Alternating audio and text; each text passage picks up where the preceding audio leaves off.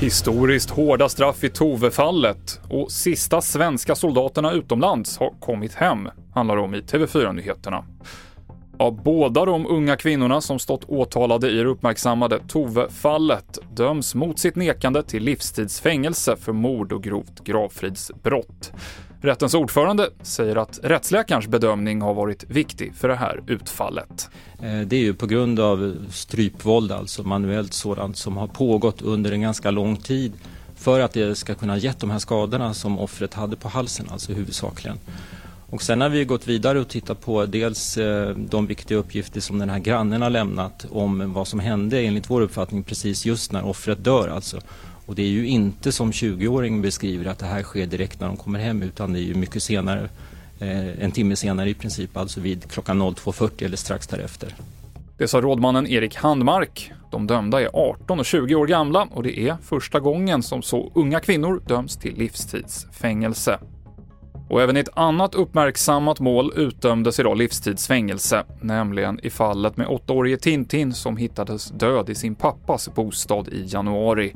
Pappan som erkänt mordet dömdes till strängast möjliga straff när rättegången avslutades idag. De sista soldaterna ur den svenska styrkan i Mali i Västafrika har nu kommit hem och för första gången på 67 år så har Försvarsmakten därmed inte någon internationell truppinsats. Regeringen beslutade i mars förra året att insatsen i Mali skulle avslutas. Vi fortsätter med sport och fotboll. Alexander Isak har röstats fram till mars månads bästa spelare i engelska Premier League.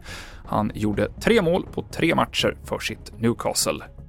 Och Peg Parnevik och Eagle Eye Cherry är klara för den femtonde säsongen av Så mycket bättre. Eagle Eye Cherry säger att han fick frågan redan för tio år sedan, men först nu känner han sig redo för TV4s coverlåtslångkörare. Det avslutar TV4-nyheterna. Jag heter Mikael Klintevall.